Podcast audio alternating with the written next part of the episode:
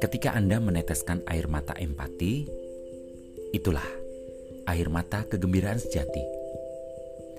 Anda mengaktifkan begitu banyak gen yang selama ini belum aktif.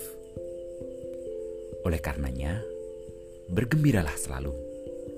Dan jika Anda harus meneteskan air mata, teteskanlah air mata keceriaan, yaitu air mata empati.